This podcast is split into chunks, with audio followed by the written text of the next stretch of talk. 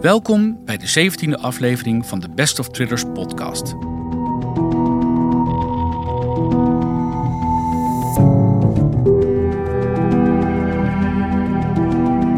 In deze podcast interviewen we Nederlandse en buitenlandse thriller-auteurs, waarbij we soms uitstapjes maken naar true crime en oorlogsboeken. Vandaag interviewen we thriller-auteur Brad Meltzer over zijn non-fictieboek Het Nazi-complot. Mr. Meltzer, or I just heard I can say Brad, welcome in this podcast. Thank you for having me. Let me first sketch the storyline. Stalin, Churchill, and Roosevelt meet in Tehran in November 1943 to agree on a definite military operation to liberate Europe from Hitler and Nazi Germany. Only shortly before the conference, the Russian Security Service discovers a plot to eliminate the Big Three by a German commando unit. The plot unravels and the commando unit is knocked out. The assault is prevented and the Big Three decide on Operation Overlord, which will lead to the final victory of the Allies in May 1945. Brad, what was the importance of a conference at that time? You know, this was the moment where the big three were getting together for the very first time, face to face. And it was a moment where, just to paint the picture of where the war was, this is the moment where Stalin wants us to come and and basically invade and and push up what eventually becomes, of course, the Battle of Normandy. Mm-hmm. Um, he is getting slaughtered by Adolf Hitler's forces uh, in Russia, and he needs our help. And he knows, listen, we're sending armaments. The UK and Britain are sending armaments. We're sending weapons. Um, but he's like, no, you've really got to help here. And this is the moment where they want to get together and, and not just talk strategy and mm-hmm. talk armaments, but talk, you know, what are we going to do? Where is this going to go? Um, it is a moment where everything is riding on the line because um, it's again, it's it's going to affect morale. It's going to affect strategy. The, the stakes can't be higher. The summit of the three of them must happen, and FDR is the middleman since Churchill and Stalin hate each other. Right. And th- this this is this is where we are in the war. And just to paint as it begins, uh, as this as uh, just to paint what's happening in Tehran, you know, FDR comes to Tehran. It says, you know, the president of the United States is in Tehran, Iran, and you know everyone is is the big motorcades coming down the center of the city. Everyone's waving. They're looking at this limousine that's coming down, and they're all waving to the president, and and the president is waving back. But here's what no one knows that is not the President of the United States in the motorcade. That's not FDR. It's a Secret Service decoy.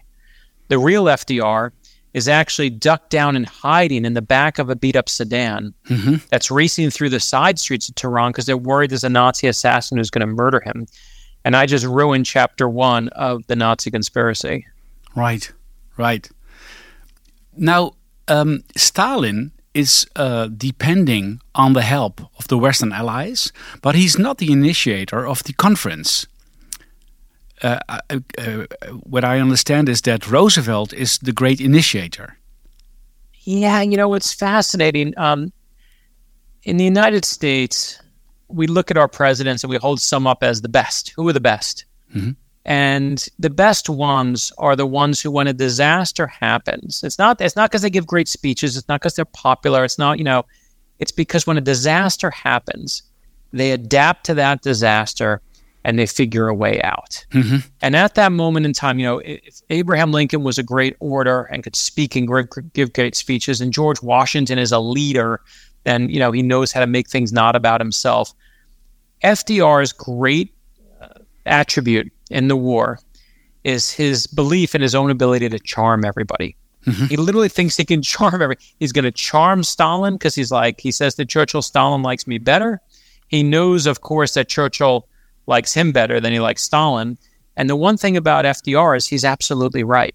He's like, I, if I bring these people together, mm-hmm. I'm going to be able to tell them and convince them yes. that we need to do this exact offensive in this invasion as we're talking. Right. And at the same moment, Stalin uh, responds, uh, I, I, cannot make it for a conference because I'm in a war. Well, that's the, you know, the key thing is why they made it in Tehran, right? That's what your question is asking. Because Stalin mm-hmm. basically is like, you know, they say, how about we, you know, they, initially FDR says, listen, we'll measure out equidistant from all three of us Churchill in the UK, Stalin in Russia. Here we are um, in us in the US. We'll pick an equidistant spot. We'll all get there. And Stalin says, not a chance. I'm not going there. Because what's happening in Russia is devastating. I mean, if you one of the things we focus on in the book is what's happening just in, in the story of Leningrad. Um, and you know, there are what what happens is the Nazis come in, they circle the city, they don't let anyone in or out. They're like, we're going to just starve everyone to mm-hmm. death. No food in, no food out. Hunger as a weapon. And hunger as a weapon, just devastated. And and and the and the people there in Leningrad, in this city, first they start eating, you know, dogs, and then they start eating other animals and rats, and then they start looking at each other and doing the unthinkable. In a year, a million people are dead just in that one city. Incredible. And Stalin sees this devastation. He's like, I'm not leaving this. If I leave here, you know how many million more people I'm going to lose? Mm-hmm. And the one thing that FDR, to his credit, and Churchill realizes he's not wrong. The weight of this war, as much as it affects, of course, in the Netherlands where you are, affects, you know, the UK has been bombed, you know, what happens in France, all these other places. And I don't min- minimize any of those things. They're devastating losses. But the sheer loss of life that's happening to Stalin there from the invasion that's happening there is, is staggering about how many people. The, the, the numbers at the end of the war, I think the United States loses about 419,000 people. Mm-hmm. I'm doing this from memory, so forgive me. I think the UK is like 425,000, 400 something thousand people. And, and, you know, for Russia, it's millions. It's millions of people that are dead by the time this happens. It's, it's yes. staggering. And in total, it ends up with, I guess, 20 million. Well, I think it's right. 20 million people are dead. Yes. Uh, it's a staggering it's unbelievable. number. Yeah. Do you think that you could say that um, um, Roosevelt and Churchill left Stalin to his fate for too long? Or weren't they capable at that moment? You know, I th- it's a good question. Um, you know, I think what's happening are two things. FDR does want to come in earlier. Uh, you know, Stalin is the one who says, "Come in now, we need you." Um, and the truth is, they're fighting a different front. They're, you know, they're they're fighting the Mediterranean front, which they think is important. They think, mm-hmm. you know, obviously down by Italy, and I, you know, and and certainly an important part. But you're absolutely right. They're fighting there for too long. FDR realizes this. Um, you know, the, the the the battle is happening where the Nazis are, and where that devastation is happening. Of course, is coming through Western Europe. Yes. Um, that's where they really need the help. And and it's FDR is the first one convinced, and he's like, we do have to do this. We yes. do have to do what becomes the battle Normandy. Churchill, to my own surprise, when we researched the book, I you know we all tell stories of Winston Churchill. He's one of my favorite people in history. I always thought he was kind of beating his chest and racing forward. Um, but Churchill's the last one on board. He's the one who's like, you know what, he, uh, and and it, you know, they, he's he's worried, worried like, are we going to win? You know and, yes. and i understand that too. You got to make sure we're organized. You got to make sure you have the armaments. You got to make sure you're up for this battle because if you don't again the consequences are devastating. Yes. Um, but they do wait you know i'm sure there are there are millions of people who can attest that it feels like it's too long. Yes. I could i was thinking about dunkerque in which he already lost from the nazis of course. Per perhaps that played a role in his doubt? I, you know, I think it's um, I think it's so I, I, wish I can get into his head and know where that comes from. And, mm-hmm. and, one of the things we, we really try to do in the book is try to only present the facts that we can prove. Yes. Um, it could come from that. It could come from just, you know, anyone would say, listen, look what happened in France. Look what happened in the Netherlands. Look at the devastation that's happening in Russia. Look at Leningrad, a million people dead. Um, you know, and people are, are, are eating each other there mm-hmm. um, and just saying we're not going until we're organized and we're going to win. Um, you know, or maybe it just comes from you know what he thinks at the time is the best strategy. It's one thing I know is it's really easy for all of us now, all these years later, to have with all perfect information to say what should have been done. Yes, that's um, easy, of course. I, I, it's easy for us to, to, yes. you know, kind of what we call Monday morning quarterback this. yeah. But but you know, I, I think we owe history a, a, bit of grace before we judge everyone. Yes. who are going through one of the hardest moments in modern time. Yes. Now back to uh, to Tehran. How did the big three security work? this is where it gets interesting. Um, and to me, what I love, you know, we all know the stories of Stalin and Churchill and FDR. We've heard their stories before. But what I love is what when you read this book, is you hear the stories of people that you don't know. And the mm-hmm. security is hard at the time because the one thing we, we to this day we have no idea how the Nazis found out. But you know, we always in the United States brag about how we cracked the Nazi codes with the Enigma machine and, and, and we knew what the Nazis were saying. Well, we didn't know at the time is the Nazis had cracked our codes too. Mm-hmm. And we don't know what, exactly when, but they absolutely cracked letters between Stalin and I mean between Churchill and Roosevelt that were going back and forth. They were listening in on us and they figured out absolutely that the big three were coming to Tehran for this meeting. And this is where the book to me gets the most interesting because you hear of people is a um, is a Nazi leader in there named Otto Skorzeny. And Otto Skorzeny is a Nazi who gets paid by Adolf Hitler to come down to the Wolf's Lair, to Adolf Hitler's private bunkers, you know, and, and private uh, HQ, his headquarters. Yes. And H- Hitler brings in all of his top military fighters. He wants to find the best one of them. He lines them all up in a room, shoulder to shoulder. And Adolf Hitler asked this one question What do you think of Italy? I'm sorry, of Austria. He says, What do you think of Austria? Mm-hmm and and all of them start saying, "Oh, you know, Austria's on our side. We will fight to the death for Austria. You know, we will go." And um, and the one thing that uh, one voice shouts out, uh, sorry, says, "What do you think of Italy?" I'm telling the story backwards. He says, "What do you think of Italy?" And they all say, "We're going to fight to the death." And, and one voice says, "My Führer, I am from Austria, my Führer," and it's this guy Otto Skorzeny. Mm-hmm. And it's a gamble by Skorzeny because what he knows and any Austrian knows, is that during World War One, Italy took a key piece of Austria and never gave it back, and there's a huge resentment for that. And he says, uh, and, and there's a huge resentment for the fact that Austria forever hates Italy for that. Hmm. And Hitler in that moment says, "You're my guy.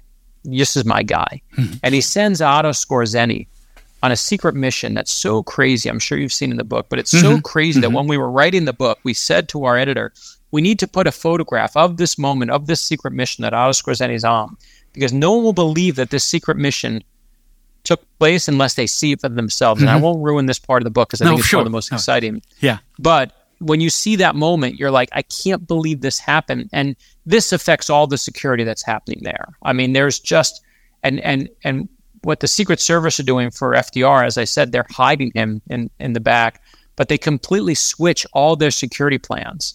They have a plan where FDR is going to sleep here and Stalin's going to sleep here and Churchill's going to sleep here. But as FDR arrives, they're like, there's a plot to kill you, and we now need to change the plans. Um, and it, it is the Russians who are the ones who suss this out and figure it out and say, we believe that there's a plot to kill you. And it's up to the Secret Service to confirm it and figure it out themselves. But uh, it needless to say puts everyone uh, on the security side into a panic. Right. It's thrilling on both sides.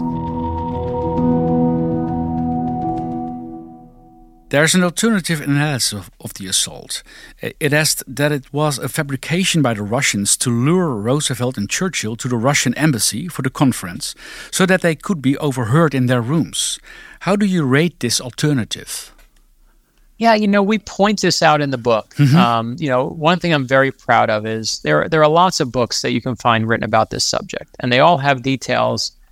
You know, they'll say it's it was called Operation Long Jump. It, it never was given that name. It, you know, and and what's so fascinating about the story is that we report in the book how the story itself changes over time. Because when the story first happens, FDR and Churchill, you know, they come back from that meeting FDR at a big meeting, uh, press conference at the White House says, yes, the, the meeting went well, Tehran went well, and by the way, the Nazis tried to kill me. You know, yeah, they, yeah, and, and the Secret Service was like, what the hell? You can't say that. Don't tell anyone that. And, you know, goes crazy and, and tells the story. And, and there's the story. And that's how the story persists for some time. Of course, obviously, soon after that Normandy invasion of Normandy happens, and and this story of the plot to kill FDR and Stalin and Churchill becomes a footnote to history. Mm-hmm. People don't care about it anymore. There's too many no. bigger things to to focus on. Yeah. And and then as as World War II nostalgia hits and years pass and the Cold War arrives, very different stories, versions of the story start taking place. Because when the Cold War arrives, no one in America or the UK wants to tell stories where the Russians are the good guys, mm-hmm. where the mm-hmm. Russians are the ones who saved the day. So now a new version of the story happened. And now the new version it comes out that, oh, there was no threat to kill anybody. This was all a way for for Stalin to eavesdrop on FDR. Right, right. This was right? already this a Cold War situation. Right. They want to blame the Russians and say this is what the Russians do. They will they will cheat us. The Soviet Union will cheat us. They will you know scam us. This is what they this is what the story becomes. Mm-hmm. And and to me, one of two things is true. Either one, obviously this plot took place, or two, Joseph Stalin single-handedly risked the entire war and scammed FDR and Churchill in a way that changed the entire course of history. Mm-hmm. Either way, that's an incredible story to tell. The only thing that doesn't make sense of that version to me is that the person who needs FDR more than anyone in that moment is Joseph Stalin. And to put all that trust and all that work at risk mm-hmm. just to listen in seems silly, especially at a time when, of course, the Secret Service know that he's probably going to be listening in. So that's just a really giant roll of the dice. And, and to yes. me, the fascinating part of the story, you know whose version of the story never changes?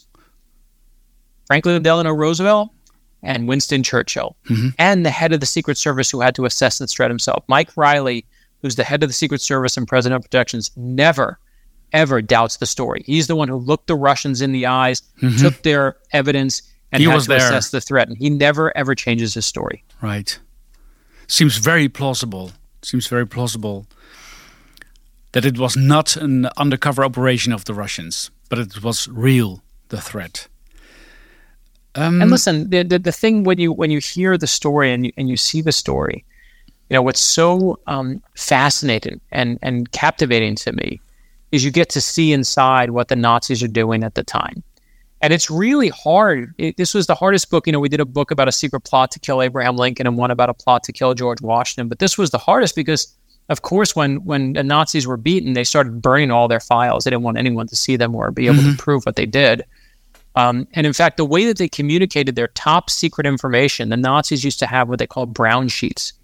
Because they were literally printed on brown paper. And the rule was when you got this brown sheet, you were supposed to destroy it, you were supposed to burn it, you had to get rid of it so no one saw the top secret information. Mm-hmm. And um, Joseph Goebbels, that you know, of course, the, the Nazi leader, um, did us a huge favor by being such an egomaniac that he took the brown sheets and wrote about him in his diaries. And because of that, we have proof of what he knew and when he knew it. And we have proof of that he knew and had cracked had cracked Winston Churchill's and FDR's letters back and forth. And when you have those details, you can see that they absolutely knew that the big three were coming. Now, at the time, yes, assassination was always being used. Um, you know, the Nazi, we of course tried to kill Hitler. Um, there were many plots and mm-hmm. Belgian plots as well. I know you know the, the stories of people involved there. Mm-hmm. Um, but there were plots also, the Nazis at, shot down a plane because they thought that Winston Churchill was on it. It wound up being someone who just looked like him, but they shot down the plane, killed every person on board. That's in the book, and right? Have, yeah, and that's in the book. And we, of course, you know, sh- uh, killed the leader of the Japanese leader of Pearl mm-hmm. Harbor. We sh- mm-hmm. we shot him down and, and had him killed. So assassination was such a, a, a weapon that was being used by the big three at the time. Uh, the fact, the mere fact that they knew the big three were meeting in Tehran, if you didn't take a shot at them, uh, you were being fools at that point in time because that was the best way to disrupt the war effort. That's one of the other strong points in the book that it gives you a sketch, the reader, a sketch of the whole situation worldwide. Uh, where is the war? The information war, the real war.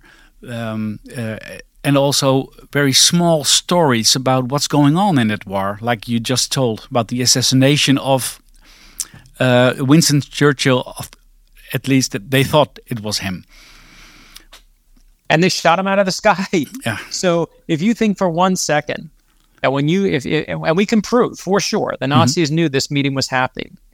Um, the idea that Adolf Hitler once say, "Hey, let's take a crack at them," is it just it defies all logic to me. Yeah, yeah. this is an uh, important, but also probably impossible question to answer. But how do you think the war would have turned out if the assault had taken place? it is the impossible question, but of course we have to. I, have spent, you know, as Josh Mensch, I'm my co-writer on the book, dealt with this book. All we had to kept thinking is what would have happened. And there's a part of me that that thinks, oh my gosh, you know, you know, right now, um, you know, you can put anything you want in the newspaper, and half the country here will believe it, and the other half will not believe it. So people believe what they want to believe, right? Social media gives everyone a printing press to state whatever facts they want, and we all mm-hmm. um, have to deal with that. Um, but back then, there was no Twitter, there was no internet. Like the newspaper told you what to believe, and you believed it for the most part. And and at that point in time, when FDR and Churchill, just the two of them, met together in Casablanca, and a photo got out on the front page of all these newspapers, it absolutely affected the entire course of the war and momentum, and showed a united front. And people were like, "We are doing better." Mm-hmm. That was not just the news, but that became a fact because it just people believed it. Mm-hmm. There was one way to put it out. So the so putting the three of them together was a huge deal a huge, you know, made everyone feel better at the war. It came at a time when the Nazis were really starting, we were starting to turn in our favor, and the Nazis were going down. So it just, you know, precipitated that. So if the three of them are killed, does it make the Nazis go up? Does it devastate us? Maybe. Does it actually do the opposite and rally the Allies better than ever, and three new leaders come and take their place and win in a way that was stronger? You know, after 9 11, the whole country was united here. It didn't devastate us, it electrified us. Um, and same thing with Pearl Harbor. It electrified everyone. Yeah. Does that happen? Maybe. The one thing I know for sure is it changes the course of history.